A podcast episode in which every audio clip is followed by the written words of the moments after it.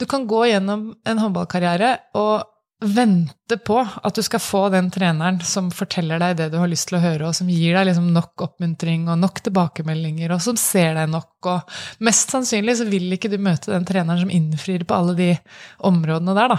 Det har i hvert fall ikke jeg opplevd. Jeg har hatt masse fantastiske trenere, men du sitter jo alltid og ønsker deg litt mer. Så egentlig det smarteste du kan gjøre, er jo å trene opp en evne til å klare, da. Å oppmuntre deg sjøl, heie litt på deg sjøl, eller i hvert fall sørge for å finne da uh, en eller annen sånn drivkraft i deg sjøl til å kjempe videre når det blir vanskelig. Uh, til å da f.eks. sette fokus på hva er det faktisk jeg får til, da.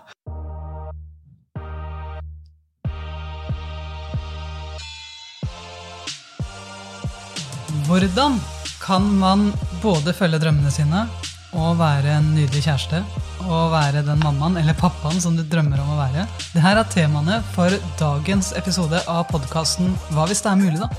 Velkommen til den. Mitt navn er Anja Hammerseng Edin, og i dag har jeg med meg min fantastiske kone Gro. Velkommen tilbake, Gro. Tusen takk. Det er veldig veldig gøy at du er her, for da, da kan vi sperre litt sammen på det. Det er veldig mange som har lurt på det. Hvordan går det an å både være det som kalles for en karrierekvinne?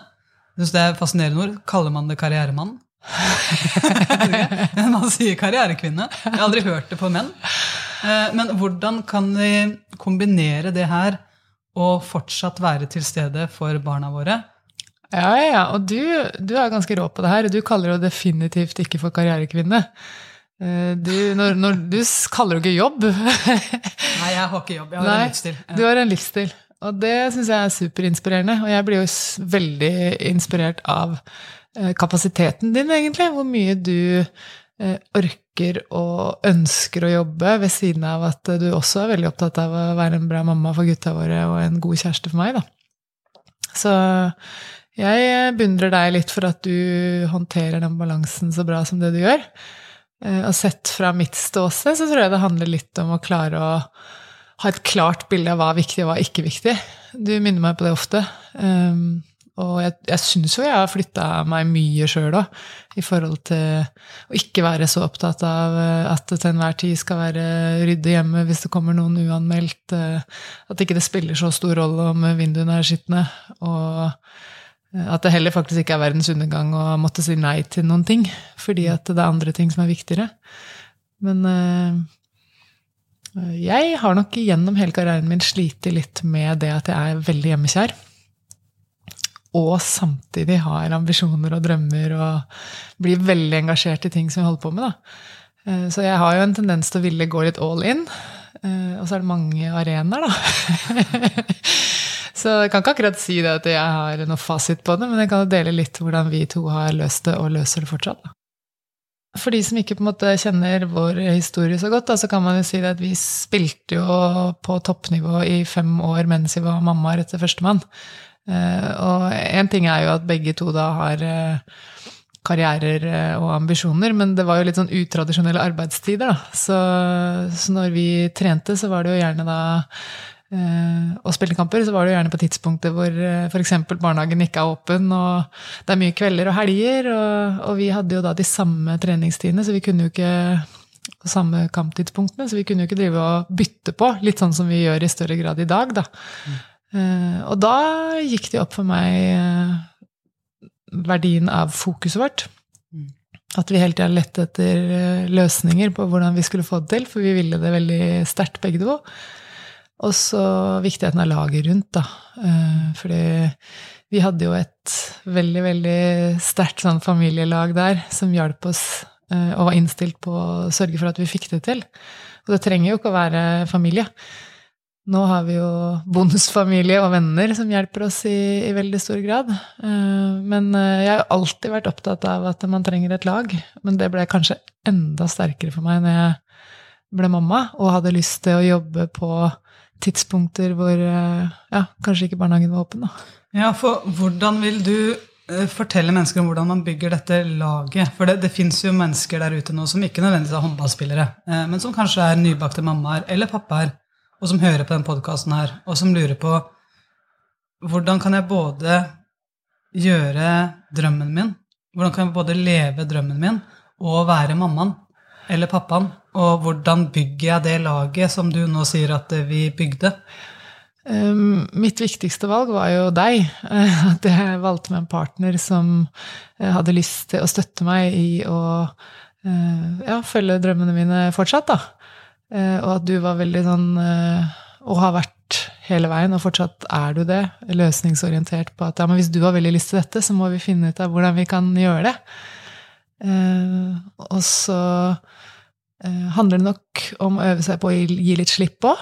Jeg kjente i hvert fall det for min del, at eh, det å kjenne på at det fins folk i vårt nettverk og i vår sirkel som kan fint ivareta behovet til barnet vårt, eller barna våre nå, da. Og at det kanskje faktisk til og med er bra for dem. Uh, jeg husker at jeg lærte det av en venninne av meg som har jobba mye i barnevernet og, og jobba mye med barn og familier, da. At det faktisk var veldig viktig at barn vokser opp og kjenner på at det er andre trygge voksne eh, rundt. Eh, ikke bare mamma, mamma eller mamma og pappa, da. Eh, så da prøvde jeg å snu liksom tanken min litt til at uh, men kanskje gjør jeg faktisk barnet mitt en tjeneste ved å av og til også gi plass til noen andre, da. Og det tror jeg kan være vanskelig for uh, mange. Det blei vi pressa til fordi vi skulle spille håndball. Uh, så med vårt første barn så ja, øvde jeg meg på at jeg kunne liksom overlate ansvaret til, eh, til andre, da. Innimellom. Og vite at det faktisk gikk bra. Men eh, det kom ikke av seg sjøl, det er jo noe jeg måtte trene litt på, da. Ja, det er, det er noe vi må trene på. Og så er det også det å faktisk bygge de vennskapene som gjorde at vi vet at ja, Mio skal være hos Mats, eksempel, som mm. er eh, en av de som var og er, når han er hjemme, fortsatt veldig stor del av vår familie. Mm. Det å tørre å invitere han inn i familien, inn i vår litt sånn personlige sfære, både når vi tenkte at han trengte Eller vi trengte at han eh, passa på Mio, mm. men også for å ha det hyggelig sammen. Oss. Eh, og bygge det vennskapet, liksom bygge det teamet som gjorde at han òg er med på vår drøm. Mm. Eh, jeg kjenner jo det at vi har jo bygd oss en ganske sånn moderne familie, da. og, og, mange ganger så tenker jeg sånn at å, vi er så heldige som har alle disse fine folka i livet vårt. Uh, og det er vi jo selvfølgelig, men så prøver jeg å gi meg sjøl litt kred for at uh, jeg tror at de også opplever å ha verdi av å være nære barna våre. Mm. og være en del av vår hverdag. Og noe av det som jeg strever litt med, som sikkert noen kan kjenne seg igjen i, er jo det med å være til bry. da, At det kan være sånn litt ubehagelig å spørre om hjelp igjen og igjen. Mm. Eh, men da handler det litt om å prøve å legge mye i potten, sånn at det mennesket som du skal spørre, da. Kjenner at eh, det ikke bare går én vei, men at faktisk det er noe gjensidig her, hvor vi hjelper hverandre, og da får man faktisk lyst til å bidra, da. Så å investere i det å invitere på hverdagsmiddager, eh, stille opp hvis noen trenger skyss, eh, bidra på andre måter som vi kan bidra på, da. Når f.eks. vi har bruk for å spørre om hjelp ganske ofte. Det har vi jo fortsatt, faktisk. Om det så er henting i barnehagen, eller om det er å ha og unge på overnatting. Men nå, etter at vi har lagt det opp, så har jo vi begge to blitt ansatt i vårt eget firma. Og jeg har jo hele tida prøvd å dra deg inn i mitt firma. Det er jo helt sjanseløst. Så hvis noen av dere som lytter nå har noen tips, da, hvordan dra kona inn i sitt firma eh, Men det, jeg har jo en veldig selvstendig kone som liker å være sin egen sjef samtidig som du er en lagspiller. Og jeg, jeg liker det. Jeg syns det er ganske stilig med deg, da. Men hvordan gikk du fra å være håndballspilleren og stå i den um, all eyes on me-følelsen Nå vet du at du er du er i verdenstoppen, det er mange som ser deg, og du har eh, akkurat nå, bam, fra en dag til en annen, blitt et privatmenneske som nå skal bygge opp en egen bedrift aleine. Eller sammen med mennesker, men du skal være aleine ansatt. Da. Og det også krever jo sin tid.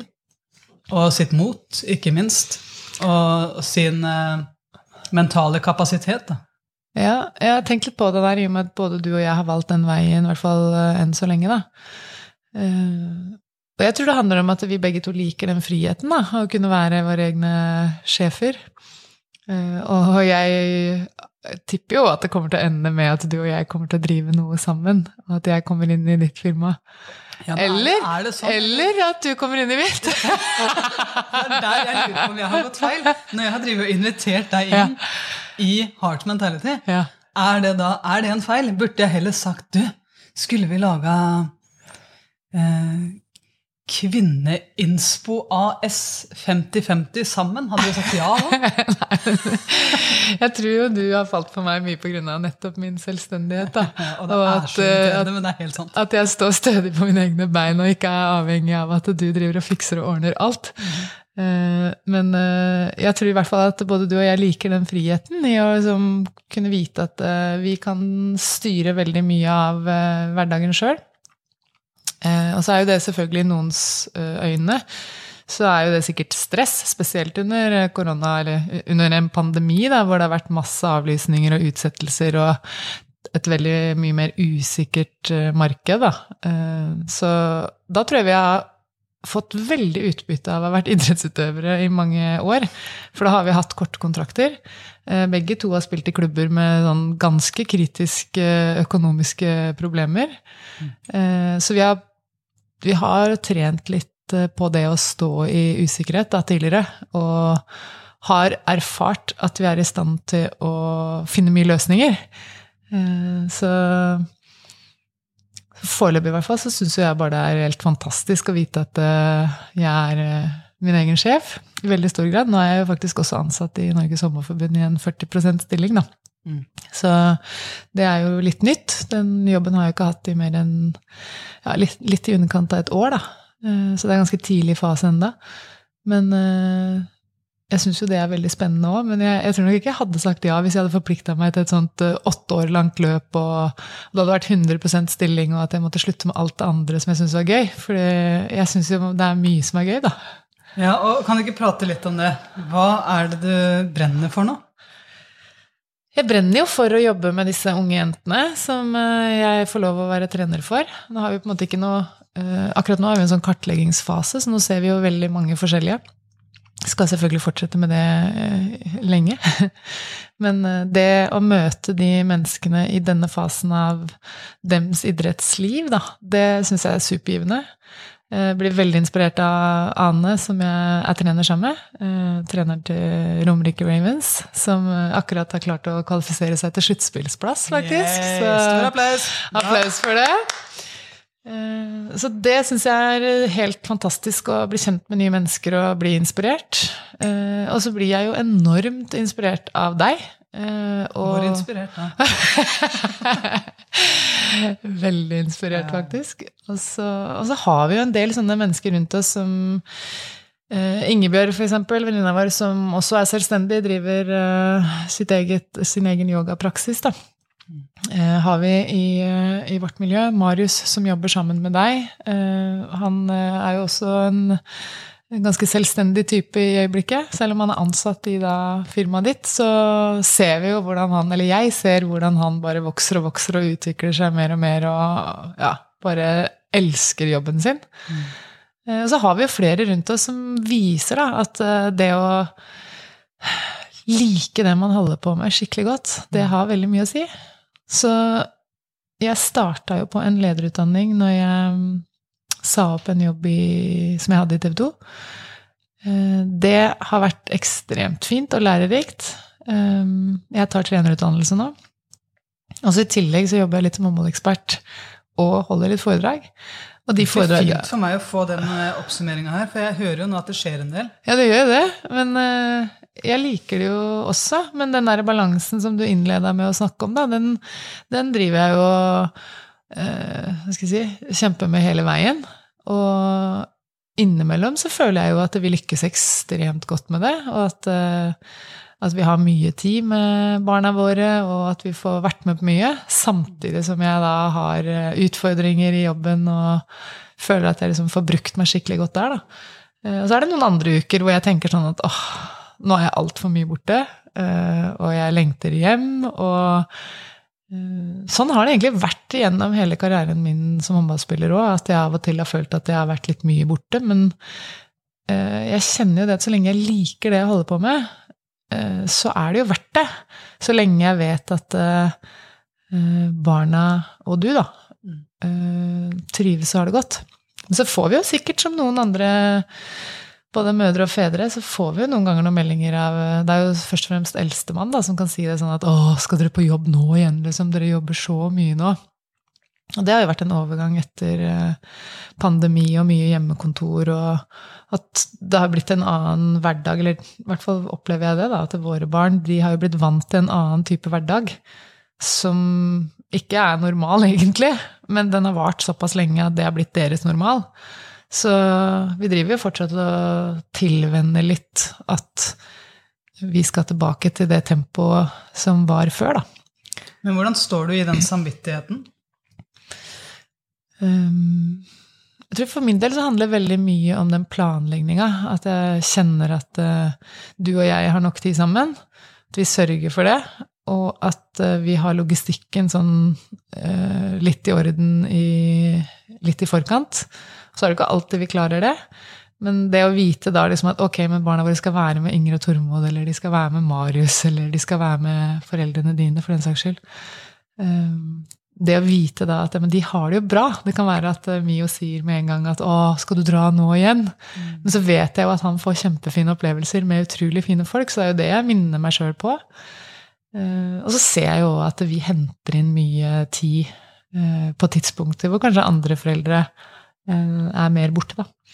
Ja. Så, så, jeg tror det handler veldig mye om å styre fokuset sitt litt. Og så har jeg blitt ekstremt mye bedre til å gi litt slipp på uh, det å ha full kontroll på alt hjemme, Uh, det, det går jo ikke. Så liksom, for eksempel nå i dag så er jeg lykkelig over at jeg faktisk har fått noen til å komme og vaske vinduene. For det har irritert meg ganske lenge at jeg ikke har liksom fått til å gjøre det. Eh, og så har jo det gått bra. Men jeg liker jo at jeg kan se ut, liksom. det er jo ikke sånn at du tar på en måte saken i egne hender og begynner å, å fikse det? For det er altfor mye spennende som skjer eh, rundt deg. Ja, altså Vindusvask har ikke vært en høy eh, prioritert oppgave Nei. for meg. Det skal jeg ærlig innrømme. Altså, Skittentøyssystemet vårt det har jo gått dundas ganske lenge. Det er jo sånn en evig, evig leit etter reine sokker, like sokker, og øh, ja, Vi har jo sånn forbedringspotensial på sånne ting, men så har du helt rett i at men er det egentlig det viktigste av det viktige? Uh, nei, akkurat nå så er det ikke det. Nei. Og, men vi liker jo begge to å ha ro rundt oss. Så jeg fikser ikke å ha altfor rotete bil eller hus, eller Jeg trenger den ryddigheten, for ja. da blir det ryddig i mitt hode òg. så det er jo det du sier i forhold til at vi trenger å prioritere tiden vår. Og ja. det tror jeg vi kan tenke, takke mye av idrettskarrieren vår for. At vi har blitt ganske rå på prioriteringer og finne mm. ut av hva er det som faktisk er det viktige her. Og hva kan jeg nå sile ut som ting som ikke er viktig? Ja, jeg har jo tenkt på det mange ganger når jeg faktisk prioriterer sånn stort sett daglig å trene litt. da. At jeg kunne jo ha brukt den tida på å lage noe mer hjemmelaga eh, Hva skal jeg si Sauser eller gud veit hva. Bananbrød savner jeg. Ja, det har vært lite av det i det siste. Ja, ja. Men, eh, men, jeg syns jo vi på en måte spiser mye god mat. Det gjør vi. Det men, men, det er jo ofte noe som tar ganske kort tid å lage. Mm. Eh, og da er jo det viktigere for oss å få bevega oss litt, og f.eks. å få meditert for din del. da. Mm. Eh, og, og, jeg går jo av og til på yoga, f.eks., eh, som hjelper meg eh, til å prioritere litt sånn eh, avspenning og ja, å finne den roen, da. Så, så, jeg tror det handler om å godta at det er bare 24 timer i døgnet. Og så samtidig så har man jo muligheten til å bremse opp og gjøre endringer når man kjenner at uh, den balansen ikke er så god som vi ønsker at den skal være. Og det må vi jo gjøre av og til når vi kjenner at det er for lang tid siden du og jeg har hatt tid til å se hverandre dypt inn i øynene. Da, da kjenner vi jo på det at ok, da må vi kanskje rydde litt plass, da. Og når kan det være? Ja, og det å, å innse det, det syns jeg du er kjempegod på. Du, er, du, har veldig kjapp innsikt. Mange går med det her i blindsona i kanskje flere dager, eller i verste fall uker. jeg kanskje... tror noen folk går i flere år ja, før de tar affære. Ja, Men, men det, der syns jeg at du er innmari god på Du har en sånn greie inni kroppen din, tror jeg, hvor du bare du kjenner det. At her trenger jeg å justere. Ja, ja. Og er du Hvordan merker du det? Hvordan kjenner du det? Og hvordan går du da i gang for å faktisk registrere at det er det her som skjer? Eh, vi er jo Du er jo ekstremt tilstedeværende på sånne samtaler med både meg og andre, og er veldig nysgjerrig og stiller mye spørsmål og er til stede på den måten. Jeg tror at jeg er ganske sånn til stede i energien i rommet. og at jeg fanger opp det ganske raskt. Eh, og det merker jeg jo. Eh, spesielt med oss, da. Hvis eh, vi på en måte bare er på sånn logistikkplan og at det bare blir jobb, eller foreldrerolle, så kjenner jeg det. Du er ganske lett å lese, da. Uh, må bare si det. Men, uh, men, jeg tror nok jeg tar liksom tempen på energien i forskjellige relasjoner og settinger. Og så er vel kanskje det en av mine største styrker, da. At uh, da tenker jeg veldig, veldig raskt. Hva kan jeg gjøre nå for å sikre at vi får den energien der hvor den bør være? Ja, for det er det jeg syns er så fint med deg, og som er en av de tingene jeg virkelig verdsetter med deg, det er at du, når du kjenner det, så tar du ansvar for det. Mm. Altså, du går ikke rett i den 'hvem sin skyld er det', og hvordan kan, jeg, hvordan kan jeg blame deg? Det er mer sånn 'hva kan jeg gjøre nå for å gjøre den situasjonen her bedre'? Ja, og jeg tror det er grunnen nå til at det blir lite sånn uh, Skal si at man driver og neger på hverandre og blir veldig sur, da. Det er jo mer at jeg vet jo at jeg kan jo styre så mye av det her bare gjennom hvilke valg jeg tar, og, uh, og det er jo en deilig følelse. Det jeg vet ikke om jeg lærte det som idrettsutøver eller om jeg har lært det i andre settinger, men det med at jeg sitter med så sykt mye makt sjøl over hverdagen og hvordan jeg har det. Og det kjennes så mye bedre å vite at jeg kan gjøre noe med ting, eh, enn å sitte og skulle vente på at andre skal gjøre noe som jeg ikke engang har noe kontroll over om det kommer til å skje. da. Kan du komme med noen eksempler hvor du har tatt ansvar for en situasjon som det egentlig hadde vært like lett å gitt andre skylda for?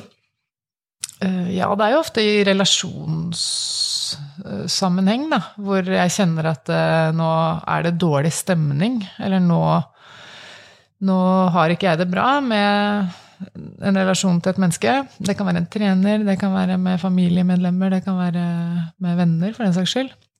Hvis det da kjennes viktig, da, at, uh, at det stjeler energi fra meg, og, og at det oppleves negativt, så så tenker jeg bare sånn at da må jeg bare gjøre noe med det, for jeg hater å gå med sånn dårlig følelse i magen. da. Eh, konkret, ferskt eksempel på det, hva kan det være da?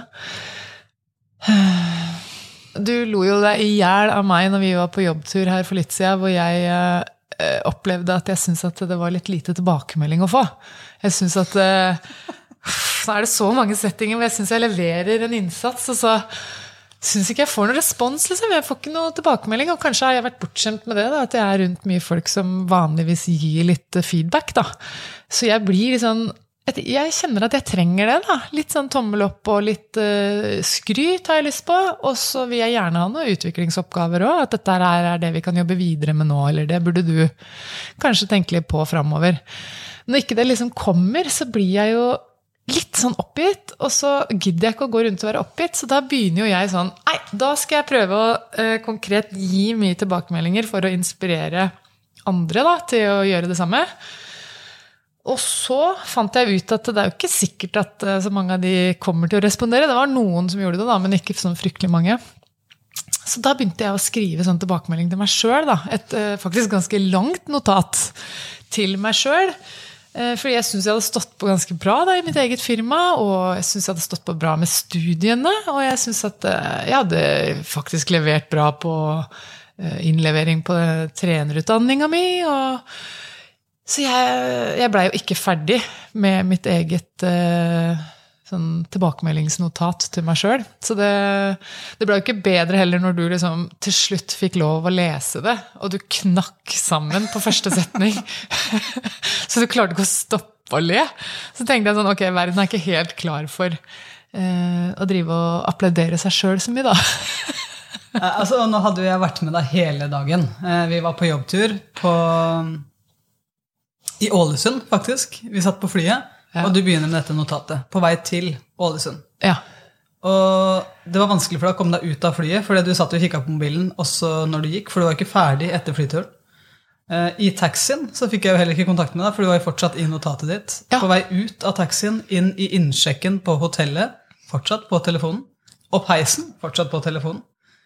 På vei til Egon for å spise litt mat, fortsatt på telefonen. Og på Egon så spurte jeg kan jeg få lese. Vær så snill, kan jeg få lese? Og så var det altså det var jo ikke det, Jeg heier veldig på mennesker som heier på seg sjøl, men det var noe med den første setningen hvor jeg skjønte Jeg hadde gått og tenkt på og beundra litt hvor mye bra det er mulig å finne om seg sjøl gjennom en hel dag.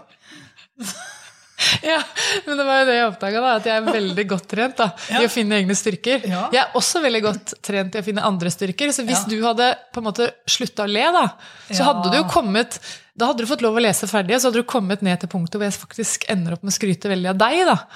Og oss som team. For det fikk du ikke med deg, gjorde du vel det? Nei, jeg så bare den første setningen, og det var så big mistake av Ja. meg å begynne å le. Og du vet når du ler på helt upassende tidspunkt. Men det var noe med den første setningen hvor du så oppriktig og ærlig skriver til denne Gro. Kjære Gro. Ja, Det er inngangen. Det er kjære Gro. Ja. Du fortjener en skikkelig tilbakemelding på jobben du har lagt ned de siste to åra. Jeg elsker inngangen. Altså, hvis du da ikke hadde ødelagt alt ved å le deg i hjel av meg, så hadde du faktisk kommet ned til et avsnitt her hvor det faktisk står at du og jeg har vært et skikkelig bra team, og at vi har hjulpet hverandre, vi har heia på hverandre, og vi fikk det faktisk til. Vi skapte framsnakk fordi vi så at det var et behov for dette fokuset, men også fordi vi hadde bruk for det sjøl, for å sikre en tilstand hvor vi kunne fortsette å være positive, optimistiske mennesker som så andre rundt oss og tok vare på oss sjøl samtidig. Ja, og bla, bla, bla videre. Dette her er jo faktisk Jeg er jo egentlig veldig glad for at jeg har den evnen, fordi det er akkurat som jeg prøver å si til de jentene jeg trener, da. Du kan gå gjennom en håndballkarriere og vente på at du skal få den treneren som forteller deg det du har lyst til å høre, og som gir deg liksom nok oppmuntring og nok tilbakemeldinger, og som ser deg nok. Og mest sannsynlig så vil ikke du møte den treneren som innfrir på alle de områdene der, da. Det har i hvert fall ikke jeg opplevd. Jeg har hatt masse fantastiske trenere, men du sitter jo alltid og ønsker deg litt mer. Så egentlig det smarteste du kan gjøre, er jo å trene opp en evne til å klare, da, å oppmuntre deg sjøl, heie litt på deg sjøl, eller i hvert fall sørge for å finne da eh, en eller annen sånn drivkraft i deg sjøl til å kjempe videre når det blir vanskelig. eh, Til å da f.eks. sette fokus på hva er det faktisk jeg får til, da. Uh, Istedenfor at du driver og slakter deg sjøl og trøkker deg sjøl enda lenger ned. Og sitter der og bare venter på at nå skal det snart komme noen som skal hjelpe meg. Eh, så vi kan tulle mye med det og le litt av det, men jeg trenger kanskje ikke å drive og vise fram disse her notatene til Gud og hvermann, for da åpenbart så er det jo en risk for å bli ledd av. Er det så farlig? Hvis jeg skal være helt ærlig, Nei. så tror jeg at eh, Gud og hvermann trenger å nettopp se det. Fordi det er ikke alle som har den evnen. Det er ikke alle som vet engang hvordan går jeg i gang for å finne alle disse fine tingene om meg selv. Har jeg egentlig noe som helst å skrive ned der? Og det her er en av de tingene som jeg virkelig beundrer med deg. Det er den Du har den enorme integriteten, og jeg tror det handler om den tryggheten du har i deg sjøl, for du vet at du er bra. Og så er det ikke sånn at du vet at du er feilfri. Det er, det er ikke det. Men du vet at du, du er fornøyd med det mennesket du er. Du er stolt av det mennesket du er. Og hvordan starter man for, hvordan starter man det løpet for å komme dit? For min del så tror jeg det handler om at jeg har jo hatt hjelp av foreldrene mine. som har vært, De har også vært ganske kontante og tydelige, må jeg innrømme, men de har også oppmuntra og heia ganske mye på meg. sånn at de har hjulpet meg til å se noen av styrkene mine. Hvordan gjorde de det? Det var jo å gi konkrete tilbakemeldinger som traff meg, da. Som jeg følte at jeg kjente meg igjen i. At ja, men det, det er faktisk sant. Um, så jeg tror jo veldig på det. Å få på en måte tilbakemeldinger, oppmuntrende tilbakemeldinger og kraften i det. Eh, Og bekreftelser på at eh, vi ser at du har jobba med noe. Og, og jeg fikk jo veldig mye tilbakemelding for egentlig innsatsen min, da. Og det er jo kanskje en nøkkel. At jeg måler mye på innsats. eh, Ikke nødvendigvis alltid på om det går helt etter planen. Men har jeg lagt ned en skikkelig innsats, så er det i hvert fall noe jeg kan være stolt av. Men det betyr da at du, du tar deg faktisk et lite tilbakeblikk tilbake i tid, og evaluerer deg sjøl og reflekterer over hva var bra? Ja, og, og hva var liksom grunnen til at det blei som det blei, da. Og så det er jo én ting, og så lærte jeg meg jo gjennom håndballen, så hadde jeg jo trenere som hadde fokus på det. Styrker. Styrkene til hver og en, og styrkene til laget. Eh, styrkene til lagkameratene. Og så blei jeg liksom trent i det, da. Å rette fokuset mitt mot uh, hva er det jeg kan bidra med, og hva er det andre rundt deg kan bidra med. Uh, det har hjulpet meg veldig mye å ha en sånn lagspillerholdning. At jeg tenker at jeg skal putte inn en del, men jeg trenger ikke å kunne alt. Jeg kan på en måte ha mine styrker, da. Og så hvis det da sammen med andre styrker gjør at vi lager et godt resultat, så er det ikke så farlig om ikke jeg får til alt. Så, si, si, du nå sitter da og ikke føler at du har det laget. Da. Si at du har gått inn i en rolle hvor du, du har vennskap der du egentlig ikke føler deg spesielt oppløfta. Eh, mm. Du har en jobb hvor ikke du blir sett noe særlig, og du har en familie hvor du har tredd inn i en rolle hvor eh, det bare blir forventa, alle de fine tingene du faktisk gjør. Det blir bare sånn Ja, men det skulle bare mangle forventningen. Hvordan går man da fram for å bygge opp den følelsen av at jeg er verdifull? Jeg tror det handler om en kombinasjon av at du, du kan gjøre en jobb sjøl med din indre dialog og hvordan du på en måte driver og snakker med deg sjøl. Og det er trenbart. Da kan man jo på en måte begynne å øve seg på så små ting som å bare skrive ned hver dag. Det er noen ting som jeg syns at jeg har bidratt med i dag som har vært positivt. Eller eh, øve seg på å finne egne styrker. Skrive de ned på notater på mobilen. Hva kan det være, typ, en sånn styrke? Eh, det kan jo være alt ifra at jeg er en som ser andre, til eh, at jeg er en fighter. Eller at jeg er en som faktisk klarer å reise meg etter fall da, etter å ha tryna, etter å ha mislykkes. Eh, det kan være mange ting. Det kan være at jeg er en god lytter. Eh, nå er ikke jeg så sykt god på det, da. Jeg er bedre til å prate. Du er god lytter. jeg øver på, på, å være mer nysgjerrig og lyttende.